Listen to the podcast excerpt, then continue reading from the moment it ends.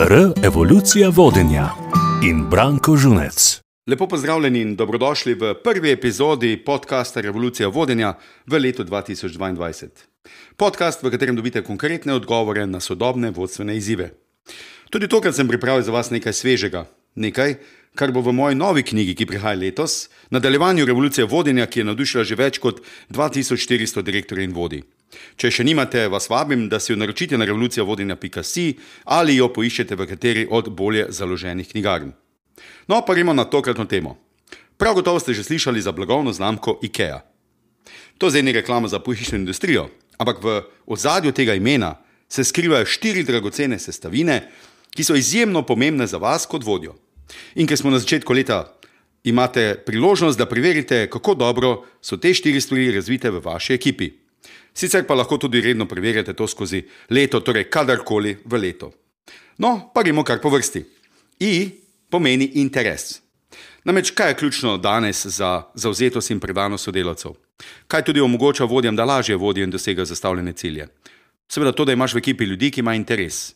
Interes za to, da opravijo svoje delo, interes za to, da se res potrudijo in pokažejo svoje najboljše, in seveda tudi vodja, ki ima interes za sodelavce. Gre za oboje stranski interes. Preverite namreč začetek leta ali pa kadarkoli izvajate te vaše razgovore s sodelavci, bodi se, da so letni razvojni pogovor ali kakšni drugi kvartalni razgovori ali čisto priložnostni razgovori. Vedno je dobro poprašati po interesu oziroma preveriti interes. Ne na zadnje, gledajte, če se sodelavci ne držijo dogovorov, je tudi dobro vprašanje, če se večkrat to ponavlja. Povej mi, a imaš ti še interes, da se držiš tega, kar se dogovoriva, oziroma da opravljaš svoje delo na visoki ravni produktivnosti in učinkovitosti? Poglejte, iskreno vprašanje, direktno, pa vendarle tudi spoštljivo in prav nič agresivno, ampak dejansko sprašujemo po tem, kar je ključno.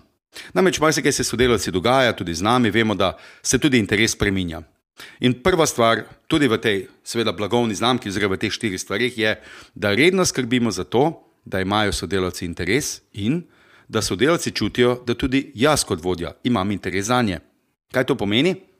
Da si dejansko vzamem čas za nje, da spijem tisto jutranjo kavico, smuti, shake, karkoli pač že počnemo, ko se naredite tako imenovani jutranji briefing ali pa usklajevanje, lahko je tudi tekom dneva, lahko je tudi popovdne, odvisno pač, kakšni so vaši delovni časi, lahko je to tudi seveda preko online tehnologije, ki je seveda glede na situacijo tudi aktualna. Pomembno je, da imajo sodelavci občutek, da imate interes, da sledite, skrbite in na ta način seveda kaj dejansko vodite ekipo. Skratka, prva ključna zadeva je interes. Gremo naprej. K je seveda tisti, ki na interesu počiva in to je komunikacija. Kako se pogovarjamo z ljudmi, ki imajo jasen in očiten interes? Bistveno lažje, kaj ne da. Hitreje se dogovorimo, lažje se dogovorimo, več je takšne, bom rekel, zdrave in kvalitetne interakcije, več je idej, predlogov. Skratka, ne rabimo toliko čakati in spraševati, ampak sodelavci že sami določene stvari povejo, ker vedo, kaj so njihove prioritete in imajo interes, da jih tudi naredijo.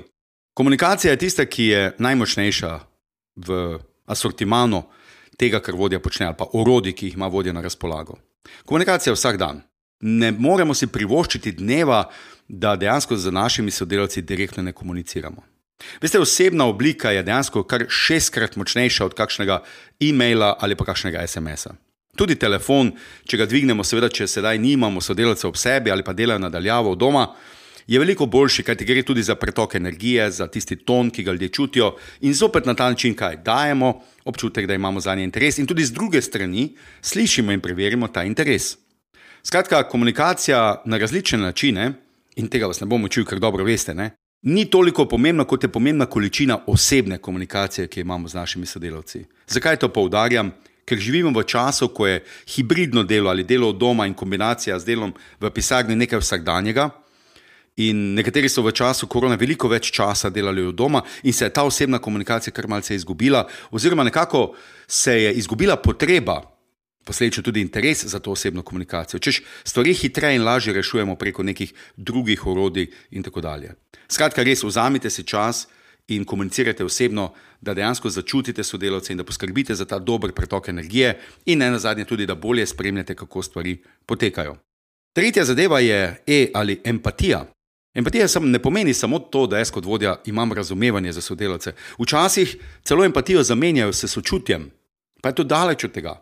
Empatija dejansko pomeni, da razumem jaz kot vodja, razumem sodelavce, kaj se z njimi dogaja in seveda uporabljam jezik, ki ga sodelavci razumejo, da mene razumejo, kaj od njih pričakujem, zahtevam, oziroma včasih tudi malo bolj odločno ne, povem, kaj naj naredijo, oziroma kako naj se zadeve lotijo ali pa zaključijo in podobno. Veste, empatija je ena od zadev, ki se naučimo, s tem se ne rodimo. Lahko se rodimo samo z večjo afiniteto do tega, da se znamo z drugimi sporazumevati, lahko da smo bili tudi vzgojeni tako, da nam komunikacija z drugimi in to različnimi karakteri ne predstavlja nobeno težavo. Ampak ključno pri empatiji je to, seveda, da ko imamo sestanek, ko se pogovarjamo ena na ena, ko imamo predstavitev, ko se pogovarjamo na sestankih o različnih projektih in tako naprej, je seveda, da se pogovarjamo na način, mi kot vodje, ne, da sodelci razumejo, kaj dejansko od njih pričakujemo, da jim je popolnoma jasno, ne, kaj dejansko so tisti kriteriji uspešnosti, po katerih vedo, da bodo naredili delo dobro. Po drugi strani, seveda, pa da jih tudi razumem, da včasih nad kakimi zadevami ne bodo najbolj navdušeni. Veste, kaj to pomeni? Na izobraževanjih pogosto vprašam, ne, ali imajo sodelavci pravico, da se nad določenimi zadevami ali pa odločitvami vodje hudujejo. Pomeni, da so nezadovoljni, jezni, slabe volje. Seveda imajo. Ali imajo pravico ljudje, da se ne strinjajo s kakšnimi zadevami? Seveda imajo. In to je empatija. Ampak, ali imajo pravico, da zaradi tega nezadovoljstva širijo slabo energijo in vplivajo na druge sodelavce, da le ti niso tako uspešni pri delu? Ne, tega pa nimajo. Vidite, to je empatija, da vodja razume sodelavce, da včasih kakšne stvari niso glih ravno njim pogodo, jim niso najbolj všeč, ampak jih zna, seveda, pa ne bom rekel samo prepričati, ampak zna predstaviti stvari tako, da mogoče niso ravno vam pogodo, so pa izredno pomembne za našo prihodnost. To pa je jezik, ki jo razume ali pa ki ga razume vsak sodelavec. Tiste stvari, ki so pomembne za našo stabilnost, za našo prihodnost, to je vse tisto, kar ljudje vedno želimo slišati. Saj veste, kako je. Ne? Če bi sodelavci ob koncu leta slišali, da bo podjetje naslednjem letu doseglo 10% niže cilje ali pa 20% niže cilje, češ, da se ne bomo pretegnili, da bomo eno leto malo bolj počivali, bi bil učinek ravno nasprotno od tega, kar bi mogoče mislili, da bodo ljudje zauzeti, navdušeni. Mislim, da bi se pošteno zaskrbeli in začeli mogoče celo iskati službo drugje. Skratka, to, da gremo vsako leto naprej, da si želimo več, je potrebno pospremiti tudi z pravo komunikacijo, razumevanjem, empatijo. In po drugi strani, seveda, kaj tudi se strani sodelavcev doseči razumevanje, da se znajo postaviti čevlje vodja ali pa vodstva in si reči tudi, vse res, ne, je prav tako, nekaj, če bomo popustili, ne bomo tako uspešni. No, zdaj smo razkrili že I, K, E in zadnji A sem že malce nakazal v tej tretji točki in to so ambicije. Samo zato, ker so sedaj težji časi, pa jaz bom rekel takole: niso težji, so drugačni. In seveda, vedno, ko pridemo v drugačne čase, je malo težje, zato ker je treba razviti določene nove navade, treba je tudi tiste stare opustiti. Tako pa če, to smo ljudje, kaj ne da. Včasih je tako, da karkoli se zgodi nam v življenju, nikoli ne paše, kaj ne da. Ker vedno, kadarkoli se neke stvari spremenijo, se moramo tudi mi prilagoditi in včasih je to bolj, včasih pa manj boleče, vedno je pa malo neprijetno, kaj ne da. No, Ambicije naj bodo zelo jasne, naj bodo očitne, naj bodo zapisane, naj bodo merljive. Najboljši pokazatelj ambicioznosti podjetja ni samo v tem, koliko so višji cilji, ampak dejansko vodja, ki ve, kje so neizkoriščene potencijali, da lahko te ambicije tudi uresničimo. Veste, ambicije so pri podjetjih, ki so imeli izjemno leto 2020 in 2021, bile ključne pri tem, da niso popustili in da so rekli, ok, kako so se časi spremenili, se bomo tudi mi prilagodili in izkoristili najbolje, kar lahko. In ko ljudje to slišijo od svojih vodij, sprejmejo to kot dejstvo, in ambicije so čisto normalen sestavni del uh, poslovanja podjetja in razumevanja ljudi, ne pa nekaj, kar bi se na prvi pogled ustrašili.